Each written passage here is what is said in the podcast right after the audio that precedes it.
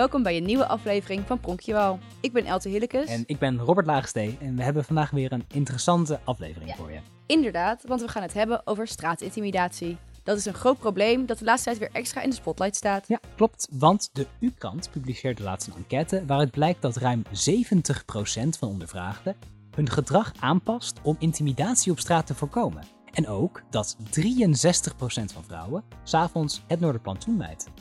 En er blijkt ook dat maar liefst 95% bewust geen oogcontact maakt met mannen of groepen omzeilt. Meer dan genoeg reden dus voor actie. Ja, en Elsa, jij hebt daar natuurlijk over gepraat met fractievoorzitter Mirjam Bijnja, maar ook met een persoonlijk Instagram-idool van hem, namelijk Roos de Boer van het account Catcalls of Grun. Ja.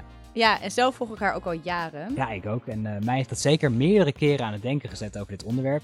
En hopelijk draagt deze aflevering voor jou, de luisteraar, nog wat extra daaraan bij. Welkom allemaal. Eh, voornamelijk ook welkom aan jullie, Roos en Mirjam. Eh, we gaan het vandaag hebben over straatintimidatie. Eh, misschien is het leuk als jullie zelf even kort voorstellen. Roos, wil jij beginnen? Mijn naam is Roos. Ik ben 23 jaar, geboren en getogen in Groningen. En ik heb sinds twee jaar het Instagram-account Catcalls of Grun, waarmee ik meer ehm, bewustwording probeer te creëren rondom het probleem van straatintimidatie. Fijn dat je er bent. Mirjam? Ik ben Mirjam Wijja en ik ben 39 jaar. Dat vind ik nu eigenlijk heel heftig om na Roos te zeggen, maar goed. Eh, en ik ben fractievoorzitter van de GroenLinks-fractie in de gemeente Groningen en woordvoerder openbare orde en veiligheid. Dus eh, jij houdt je in de gemeenteraad mee bezig eh, met dit onderwerp. Jazeker. Kijk, super. Ehm, nou ja, voordat we beginnen, laten we even... Wat, wat is straatintimidatie? Als je zou zeggen van, nou, wat valt er onder straatintimidatie? Ehm, hoe ervaren jullie dat? Hoe zou jij dat zeggen, Roos? Eh, ja, gewoon elke vorm van ongewenste aandacht, Mhm. gedrag. Gewoon dingen waar je niet om vraagt. Eh, nafluiten, naroepen. Eh, maar ook wel ja, een klap op je kont als je op de fiets zit. Gebeurt ook vaak genoeg. Tijdens het uitgaan, nare opmerkingen. Dus echt gewoon heel veel. En het is ook nog weer voor iedereen verschillend wat je nou als intimiderend ziet en wat niet. Ja, precies. Ik denk dat het ook wel goed is om te zeggen. Waarschijnlijk ervaart niet iedereen bepaalde dingen op dezelfde manier. Dus eh, dat is, eh, het zal ook voor iedereen anders zijn. En dat maakt ook, eh, nou ja, zoals je hoorde, dat het eigenlijk niet heel erg duidelijk is hoe vaak het gebeurt, wat er, wat er gebeurt. En jij bent daarmee bezig om daar aandacht mee te vragen met je Instagram. Hoe Ja. ben je daar zo mee begonnen? Ehm, nou, het is iets wat begonnen is in New York. Dus Catcalls of New York City was de allereerste Catcalls of account. En dat is daarna echt over de hele wereld is dat verspreid. Eh, het is ook echt een organisatie, die heet eh Chalk Back. Internationale organisatie, meeste gedaan door mensen onder de 18. Het is echt een youth-led organization. Eh, en ehm, ik ben daarmee begonnen toen ik eh Catcalls of Amsterdam ontdekte. En toen vertelde ze dus over alle nare verhalen die ze had toegezonden gekregen. En toen raakte ik heel erg gefrustreerd, maar ook wel heel erg geïnspireerd. En ik wou al langer, wou ik graag iets doen met feminisme en echt activistisch bezig gaan om zelf iets bij te dragen aan de strijd, zeg maar. Mhm. En toen ben ik eigenlijk meteen begonnen. Dus toen heb ik krijt gekocht, heb ik de eerste dingen gekrijt en ben ik gaan posten. En nu zijn we bijna twee jaar verder. Ja, want wat doe je? Je krijgt eh, ingestuurd van mensen en dan ga je naar die plek toe en dan ga je krijten. Ja, klopt. Mensen kunnen mij een DM sturen met hun verhaal. En dan is inderdaad ook altijd de locatie waar het is gebeurd. Want dat is eh, eigenlijk eh, een vereiste, dat je dus eh, de locatie erbij stuurt, zodat wij kunnen krijten op de plek waar het echt is gebeurd. En dat is dus eigenlijk gewoon bijna overal. En dan maak ik daar een foto van en dat post ik op mijn Instagram. En dat is, wat is het doel daarvan? Wat, wat probeer je bij te dragen met dat Instagram-account? Ja, we willen natuurlijk ten eerste gewoon mensen in laten zien dat het een probleem is. Want het is natuurlijk iets wat niet iedereen meemaakt. Ja, vooral veel vrouwen en mensen binnen de LHBTI-gemeenschap. Maar mannen bijvoorbeeld, maar ook wel vrouwen, die maken het misschien, die het niet meemaken, die hebben geen idee dat het zo'n groot probleem is. Dus dan is het ook moeilijk om ehm, je voor te stellen dat het heel intimiderend kan zijn. Dus door die teksten op straat te schrijven, eh, proberen we ook een beetje datzelfde shock-effect te creëren. Dus dat je dat opeens zonder voorbereiding krijg je zoiets over je heen gegooid. En nu dan in de vorm van eh krijt. Maar dat is natuurlijk in het echt ook zo. Je bent nooit voorbereid op, eh, op zo'n opmerking. wat voor eh, verhalen krijg je dan allemaal van mensen? Nou, heel verschillend. Echt van, van nou, fluiten of dus op de fiets dat je opeens een klap op je kont krijgt. Maar ook nou, toen het uitgaansleven nog open was, veel verhalen binnen het uitgaansleven. Maar ook dingen die overdag gebeuren. Mensen die ehm, nageroepen worden. En als ze dan niet reageren, worden ze uitgescholden voor hoer of slet. Ehm, of nog, nog veel engere dingen, dat mensen echt b- bijna gestalkt worden en achtervolgd worden door auto's of door ja, ook gewoon voetgangers of fietsers. Dus er gebeuren echt heel veel dingen. En van tevoren had ik ook niet verwacht dat het zo erg zou zijn in Groningen. Maar dat heeft dit account wel echt voor mij zelf ook dus eh, zelfs voor jou ja, bewezen. was het een, ja. eh, een bewustwording eh, die ja, misschien had. zeker. Ja, Heb je een verhaal die je misschien veel is bijgebleven, waar je dan nog aan terugdenkt, waar je denkt, oh ja, dat was wel... eh, Eh, ja, het is zoveel. Maar toevallig, ik had hier alvast over nagedacht, want ik vind het altijd een lastige vraag, omdat er zoveel zijn. Ik heb al meer dan 300 dingen ondertussen binnengekregen. Maar er was eentje die ik nog niet zo lang geleden had gekregen bij het Wouter van Doeverenplein. Daar was een, eh, een vrouw die ging hardlopen en toen was ze echt net uit de deur en toen eh, liep er een man langs en die zei, nou als je een paar kilo bent afgevallen, dan mag je mij bellen. En toen zei ze ook, nou, ik had eigenlijk zin om meteen weer naar binnen te gaan. Want dan ben je gewoon meteen, is je hele moed voor de rest van de dag is gewoon verpest eigenlijk. En het is gewoon zo naar om te denken dat mensen denken dat ze iets over jou mogen zeggen. En dat het alsof je bestaat om maar eh, nou, mensen te plezieren. ja, dat laat ook wel dat, zien eh, dat die impact groot is dan. ja, zeker. Ja, dat is ook wat mensen toch wel vaak zeggen. Van ik heb nu dat jurkje niet meer aan. Of ik durf niet meer s'avonds te wandelen. Of ik... Dus het heeft wel echt gewoon echt duidelijke effecten op het dagelijks leven van ja, heel veel mensen. Zijn het voornamelijk uitgaanssituaties die je ingestuurd krijgt? Nee, ook wel echt gewoon eh, midden op de dag, klaarlichte dag. Gewoon, het kan eigenlijk overal gebeuren. Ik heb ooit een keer met de nachtraad tijdens de, ehm, dat heette toen niet meer de Orange the World Week, maar in ieder geval Internationale Week eh, tegen straatintimidatie. Toen hebben, eh, heb ik samen met iemand van de nachtraad een soort filmserie gemaakt waarin we The Day in the Life of a Student in Groningen hebben gedaan. Eh, en dan de verschillende catcalls van dingen die dus gewoon op de meest normale dagelijkse eh, bezigheden gebeuren. Dus op de fiets, op je werk, in de supermarkt, eh, tijdens het sporten. eh, gewoon overal, zeg Ja. maar. Dus het gebeurt echt niet alleen in het uitgaansleven waar iedereen een drankje op heeft en de grenzen een beetje vervagen. Want ook gewoon eh, in de supermarkt kan je lastig gevallen worden. En als je aan het hardlopen bent, nou, dat voorbeeld wat ik net gaf, was natuurlijk een heel goed voorbeeld daarvan. Ehm, dus het gebeurt echt overal en altijd. En het kan ook iedereen overkomen. Dat is wel wat ik heb geleerd door alle verhalen die mij zijn eh, toegestuurd. Ja, en het, en het is niet alleen studenten, want ik denk dat het, dat, dat heel veel voorkomt. Maar ik ben dan een soort 40 plus min eh, doelgroep.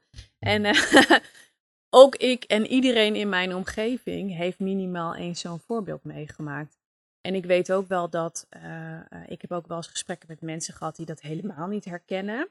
Die dat helemaal niet hebben meegemaakt. Nou ja, ik denk alleen maar dat is hartstikke mooi.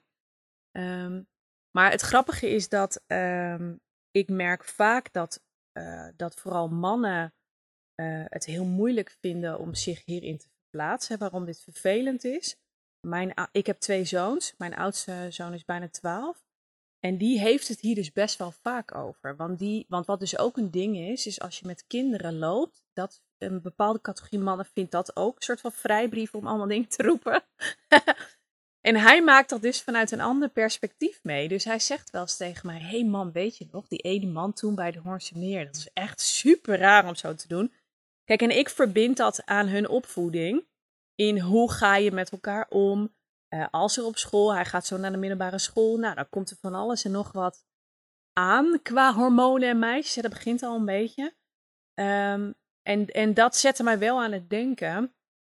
Van ja, ook, het is heel belangrijk om eigenlijk van jongs af aan dat gesprek vooral ook met je jongens te voeren. Om ze uit te leggen van A, dat je dat dus zelf niet moet doen. Dat het niet grappig is, dat het niet normaal is. Maar ook dat je je vrienden erop moet aanspreken. Want 9 van de 10 mannen zijn gewoon goede gasten.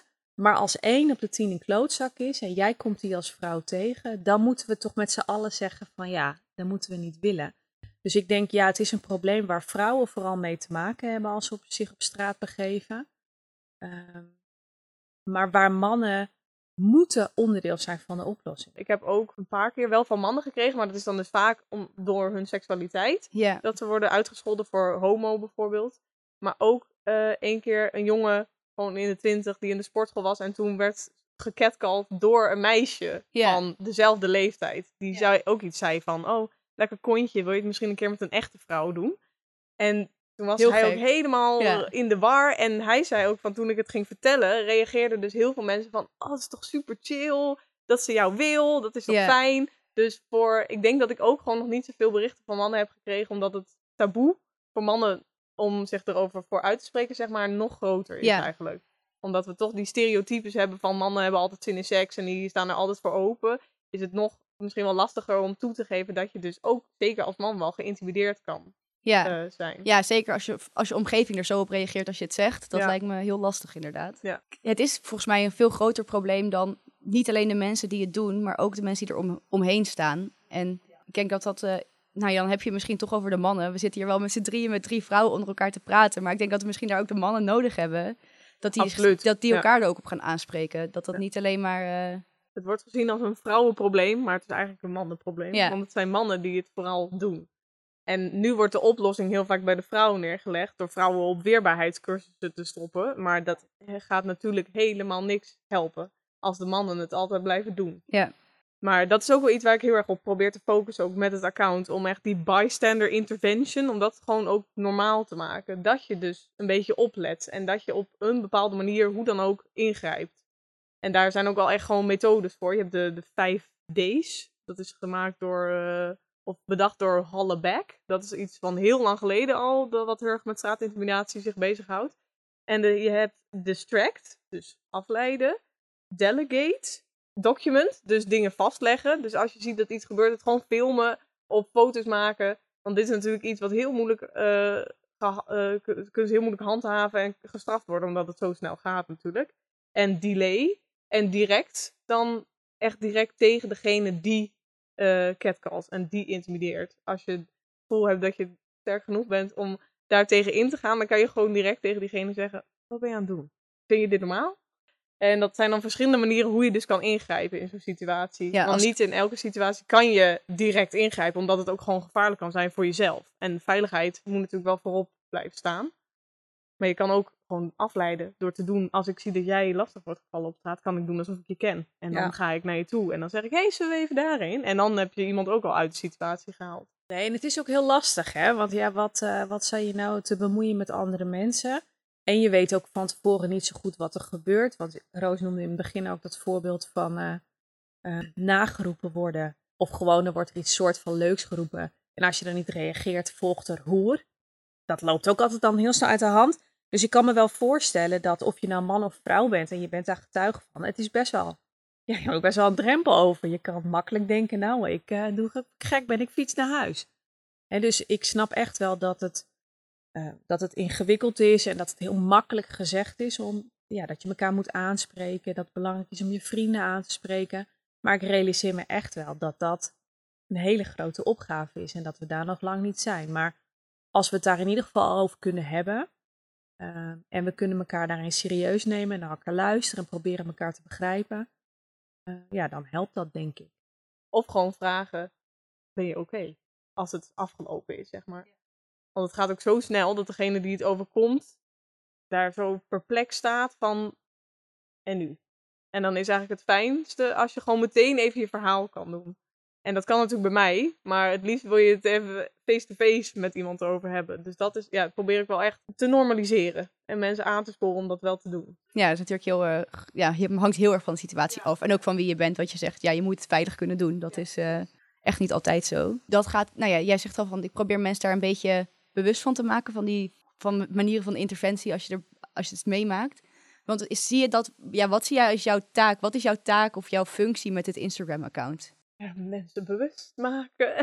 ja, zoveel, ja, zoveel mogelijk mensen laten inzien dat het een probleem is. En je probeert natuurlijk ook wel gedragsverandering te kunnen realiseren. En dan dus niet alleen bij de mensen die het doen, maar dus ook inderdaad bij de omstanders. Ja, en ook wel gewoon een luisterend oor, denk ik. Want eh, dat is toch ook wel een van de... Het is wel een safe space waar mensen hun verhaal kwijt kunnen. En waar je dan nog even kan praten als je dat wil. Ja, Eh, en dat hoeft ook niet. Sommige mensen reageren niet op mijn antwoord, maar dat vind ik ook prima. En sommige mensen die willen wel gewoon even nog iets, eh, iets, iets delen.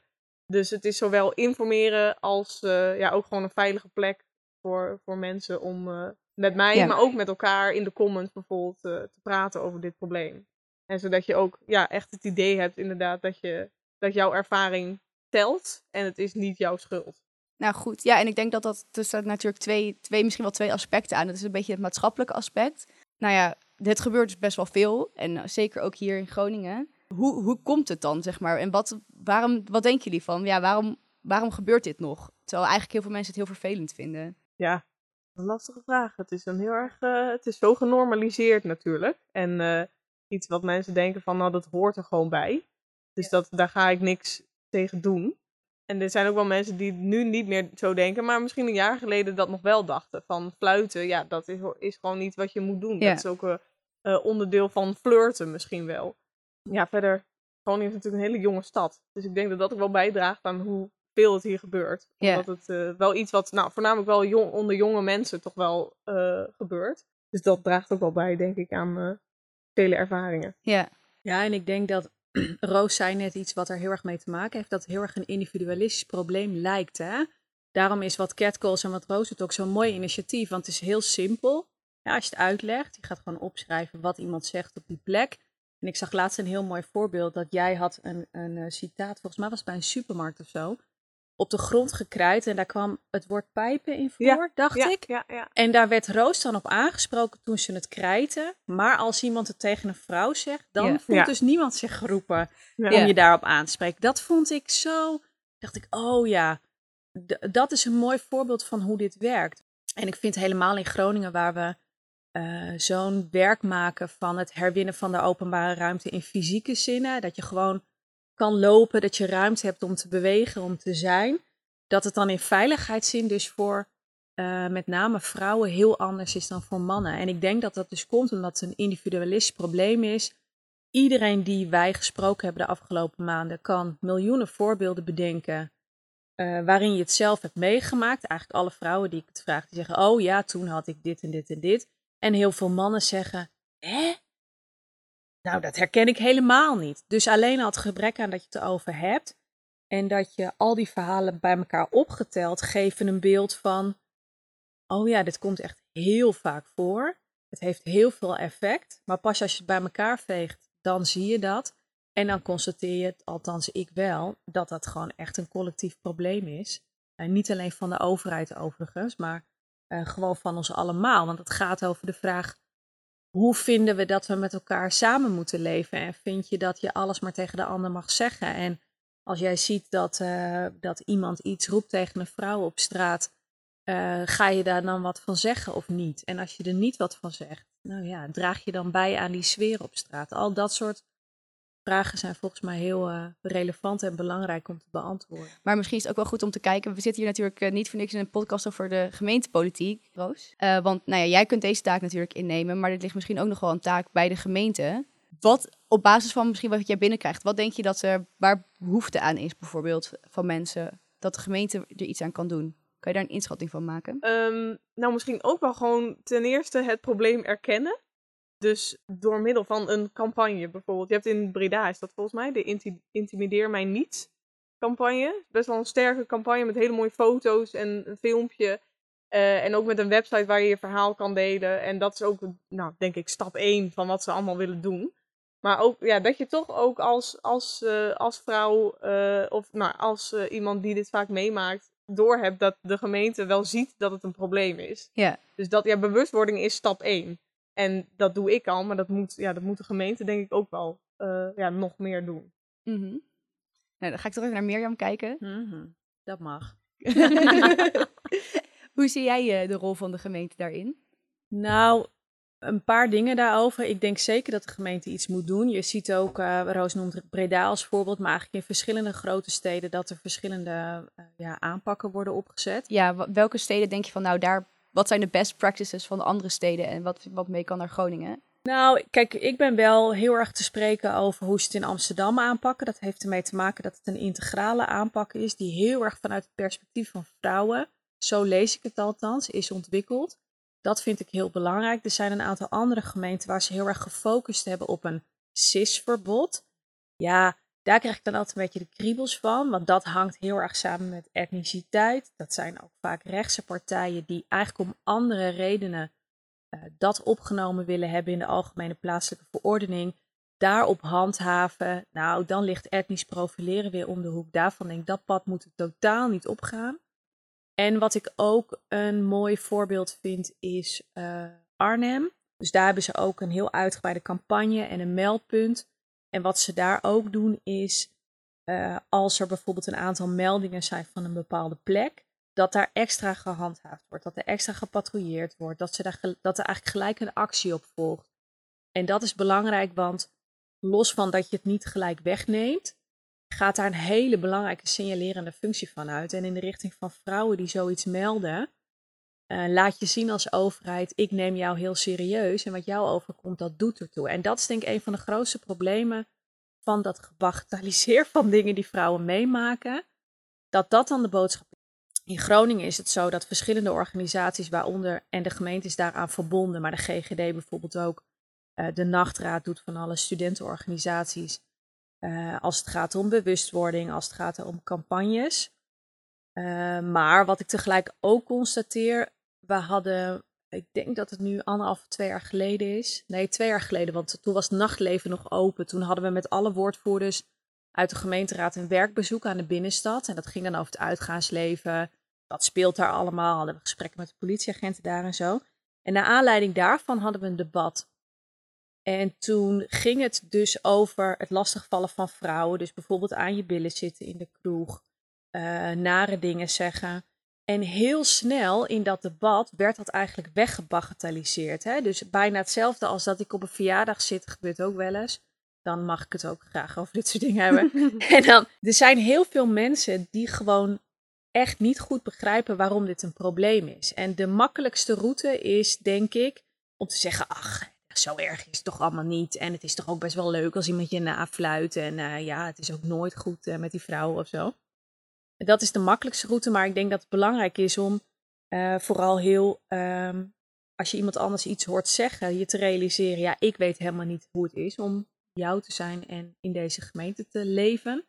Uh, om je te proberen in de ander te verplaatsen. Dus ik denk dat uh, de gemeente randvolwaardelijk een aantal dingen moet regelen. Waaronder zeggen, dit is een probleem, dit accepteren we niet, is stap 1. Een campagne is uh, volgens mij een hele goede. Een meldpunt is een hele goede. En kijk, het account van Roos kan heel erg in bijdragen, omdat je daarmee nou ja, al gewoon inzichtelijk maakt waar iets gebeurt. Uh, dus daar zijn we nu mee bezig om uh, de gemeente te gaan vragen van, nou ja, wat zijn de dingen die al gedaan worden? Wat hebben jullie in de stijger gestaan en wat zouden we nog kunnen doen?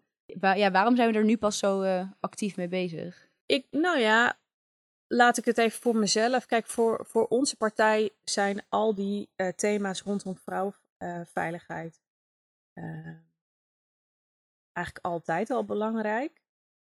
Maar hoe het ook werkt is soms lees je iets, zie je iets, hoor je iets en denk je, nee, daar gaan we even nu echt vastpakken en iets aan doen.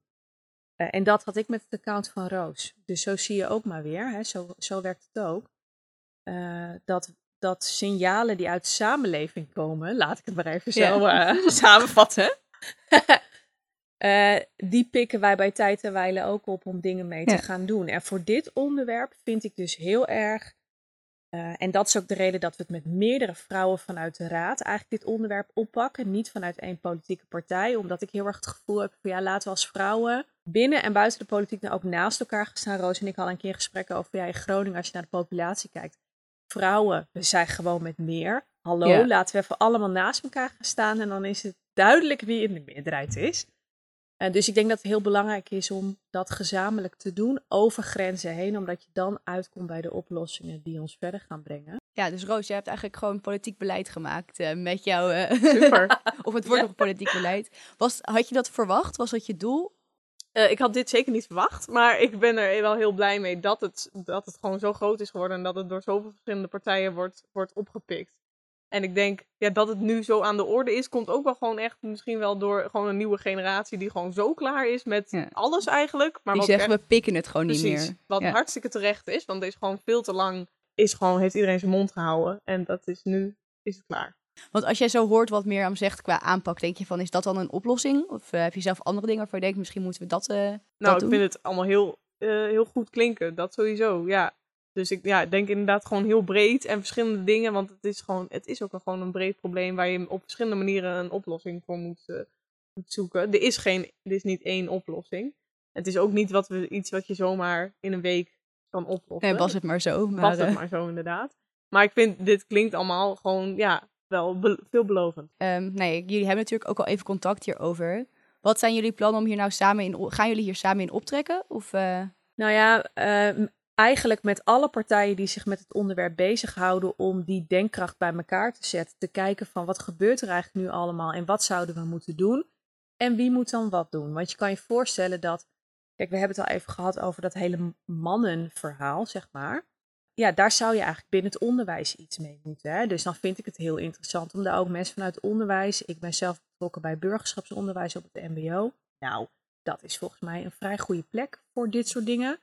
Eh, die zou ik er graag bij willen hebben. Eh, maar ook alle organisaties die in het nachtleven werken. Om gewoon met elkaar te gaan brainstormen. Hoe gaan we dit stoppen in, eh, in Groningen? En wie doet dan wat? En dan gaan wij, vrouwen uiteraard, gezamenlijk ons werk in de raad doen. Zorgen dat de politieke kaders er zijn. nou, dat zou mooi zijn. Want ja, dus het idee is dan om nu nog informatie... Zeg maar, we gaan eerst nog informatie verzamelen. En dan vanuit daar door naar concrete ideeën om, eh, om dat ook uit te voeren. Ja. Welke concrete... Nou, we hebben net al even genoemd over juridische kaders en dat soort dingen. Nou, heel concreet, wat gaan we dan doen? Nou ja, wat is er nodig? Je, kun je daar nu al iets over zeggen? Voordat, voordat je met, met iedereen hebt gesproken.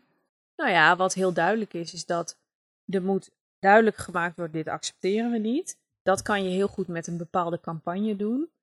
Eh, er moet sowieso een meldpunt komen. Er moet een plek zijn eh, waar jij je kan melden. Eh, en daar moet dan vervolgens ook iets mee gebeuren.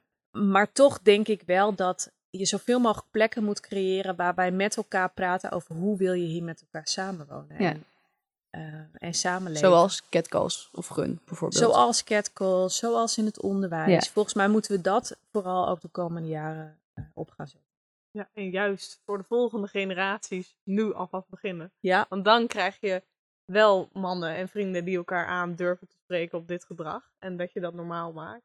Want ja, bij inderdaad gewoon volwassen, volwassen mensen is het soms moeilijk om eh, verandering door te drukken. Maar, eh, maar ja, jongere Ja. kinderen zijn gewoon, die, ja, die kunnen nog zoveel leren. Dus dan laten we ze vooral iets, iets ja, ook Ja. gewoon iets goeds en heel belangrijks meegeven. Want je zei ook al dat eigenlijk deze hele beweging is best wel door jonge mensen geleid. Zie je dan nu ook al verandering bij de jonge generatie? Zijn die er ook meer mee bezig onder elkaar? Eh, god, ja, dat verschilt ook heel erg aan over wie het hebt en, en wie het zijn. Want ik denk, ik kreeg laatst ook nog een berichtje van een, ook van een meid in de twintig, die werd gecatcalled door een jongen van 15. En eh, haar vriendin waar ze mee liep, die zei, oh, dat moet je niet serieus nemen, het is gewoon een jongetje. En toen zei zij, nou, dat maakt het juist erger eigenlijk, dat hij zo jong is. Toen zei ik ook, ja, want het zijn echt soms 12-jarige jongens of 11, of nou, gewoon echt brugklas, die, die al hele nare dingen eh, kunnen roepen.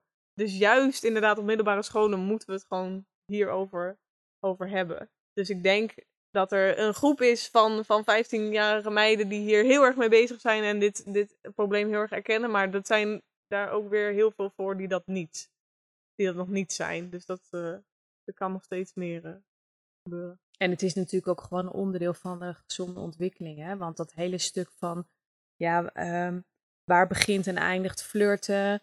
En dat het al heel leuk is om complimenten te krijgen. En waar ligt dan die grens? Maar ik denk vooral dat eh, als je dan even naar jonge meiden zeg maar kijkt. En jongens trouwens ook. Als je daar heel erg individueel soort van mee worstelt. En dat moet oplossen. En er is nergens een plek waar je daar met elkaar over praat. Dat is denk ik het probleem. Dus niet zozeer ja, jonge kinderen heel erg individueel op hun verantwoordelijkheid aanspreken. Eh, ja, want het hoort ook bij je ontwikkeling in de puberteit. Maar het is vooral belangrijk om de, kader, om de grenzen aan te geven en te zorgen dat ze zich gezond ontwikkelen. Eh, en eh, soms ook op hun muil gaan en dan weer opstaan. En nou ja, dat hoort er ook allemaal bij. Dus het zou heel goed zijn om dat eh, Ja, dus dat onderwijs te doen. komt alweer terug bij inderdaad eh, het integreren in het onderwijs. Ja, Ehm, ja, want nu zijn we bezig met schriftelijke vragen en maatschap, of, nou ja, het gesprek faciliteren tussen verschillende partners. Is dat wat, ja, zijn dat de vervolgstappen? Is dat waar we de aankomende tijd op moeten letten? Dat, eh, Ja, daar moet je zeker op letten. ja.